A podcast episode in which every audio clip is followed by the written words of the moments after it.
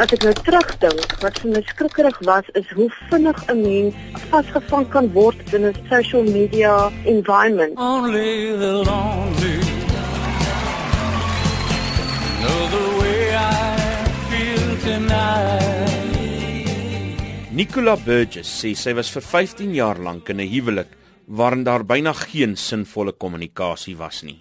In plaas van werk aan die kommunikasie tussen my en my man, het ek ons gaan vriende opsoek op Facebook. En later was ek so in hierdie Facebook ingewurm dat niks meer vir my saak gemaak het nie. There goes my baby.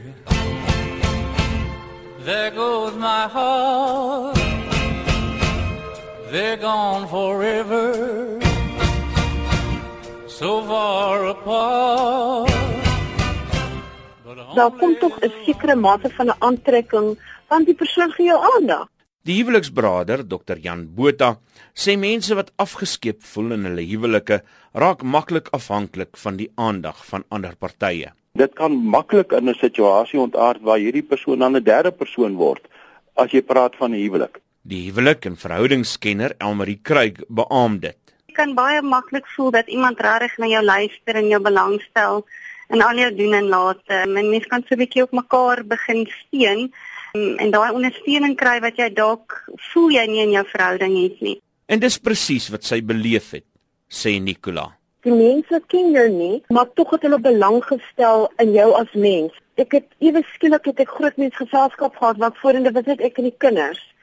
Jy weet mens soek tog daai belangstelling. Wat doen jy? Waarvan hou jy? I cry. Only. Maar dit bly nie net by geselskap nie, sê Kruik. Daar's natuurlik nie net die risiko van 'n fisiese affair of verhouding nie, maar ook een van 'n emosionele affair of of selfs cybersex. Nicola sê mans volg soms 'n slinkse strategie om jou by seksuele gesprekke te betrek. Hulle kry jou in in hul vertroue.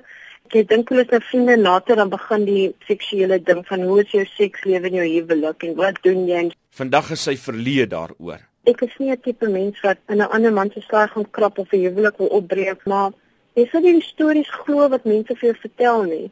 En wat skerry is is dat ek al voorgeval het. Ek het baie mense geglo. Botha sê dit gebeur veral wanneer mense hulle self ontbloot. Al is dit nie liefde hierdie nie, dit is 'n gesprek, dit raak 'n ontbloting van jouself op 'n sekere manier en hoe meer jy ontbloot oop raak, uh, gesels, hoe meer kwesbaar raak jy in 'n sekere sin. En toe sy op haar kwesbaarste is, word Nicola uitgevang. Dit het haar 'n huwelik gekos. Later het my man begin dus agterkom, maar kyk, ek is baie lief vir hierdie laptop van my. Dis kom en maar agter, maar ek is so besig om ewige geselsies aan te knop met die ander geslag. Volgens Botha kan Facebook maklik tot jaloesie in enige verhouding lei. Jaloesie is maar altyd 'n ding wat in verhoudings werk en as ek en jy nie lekker as man of vrou of ou of meisie is nie of maats is selfs nie, dan kan daar 'n klomp jaloesie loskom wat vernietigend is in enige verhouding. En dan kan hierdie hele episode eintlik 'n derde persoon die rol daarvan begin inneem en dit kan vir enige huwelik of verhouding uh, katastrofies wees. Nicola sê sy wens sy het van beter geweet. Ek dink as iemand my nie daar kon gehelp het ek getroud was, dan sou ons huwelik nie op so 'n manier geëindig het. Maar hoe gebeur dit? Hoe kan iets soos Facebook so groot invloed op 'n huwelik hê? Kryk sê dit is omdat 'n huwelik baie maklik saai en gewoon kan raak. So ons leef van dag tot dag en ons staan op en ons moet die dag oorleef en vanaand gaan slaap ons en môre begin dieselfde goed. En ek dink dis die uitdaging om 'n verhouding konstant nie te maak en opwinding hou sover as wat dit moontlik is. Boonop moet 'n lewensmaat daarmee rekening hou dat hy of sy nie aan al die behoeftes van die ander persoon kan voldoen soos wat 'n groot Facebook gevolg dit kan doen nie. Dit is baie selde dat 'n mens net een persoon kry wat aan al jou behoeftes voldoen. Jy weet en dan is daar ook die vraag van verwag ek van iemand om aan al my behoeftes te doen of of my gelukkig te maak, het sy dit emosioneel, spiritueel, fisies is. Wanneer dit gebeur, kan 'n huwelik 'n baie eensame plek word, sê Botha. In Suid-Afrika omtrent tussen uh, 40 na 50% van die mense skei of uh, gaan maar net aan Die res van hulle is 50% ongelukkig getroud of is maar net daar en daar's geen kommunikasie nie en 10% wil ek beweer in verhoudings is regtig gelukkig of huwelike. So hierdie 60%, 50-60% sit daar en vereensaam. En nou is die maklikste of 'n behoefte wat ek het as man of vrou of 'n maat om met iemand anders te deel en hier kom hierdie persoon nou toevallig oor my pad en nou begin ons lekker deel en gesels.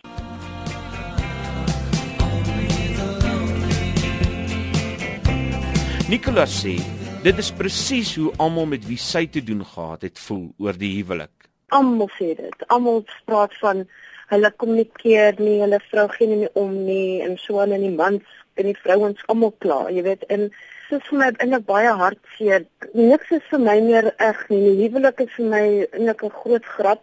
En hoe voel sy na alles vandag oor Facebook? Nou is ek op Facebook, jy weet ek het my les geleer. Ek weet waarna om uit te kyk. Ek het baie mense delete want ek weet hulle is nie regtig vriende nie. Maar is alles regtig Facebook se skuld? Dink 'n mens moet ook versigtig wees en, en nie net al die skuld vir Facebook gee of vir sosiale media nie. Dis waarskynlik eerder vir mense waarskuwing om dieselfde tyd en energie in jou verhouding te belê en altyd deursigtig te wees en, en as daar probleme in jou verhouding is, werk te maak daarvan. Dit was die huwelik en verhoudingskenner Elmarie Kruik en ek is Isak Du Plessis in Johannesburg. Only the lonely know the heartache I've been through.